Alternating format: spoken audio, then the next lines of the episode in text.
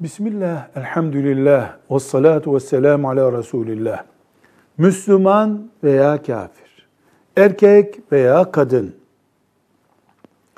büyük veya küçük, patron veya işçi, dövmek caiz veya değil, insanın yüzüne vurmak yasaktır. İslamiyet'in kuralı budur. Bu yüzden de yüze vurmaya dayalı bir spor olduğu için de boks yapmak caiz olmaz. Velhamdülillahi Rabbil Alemin.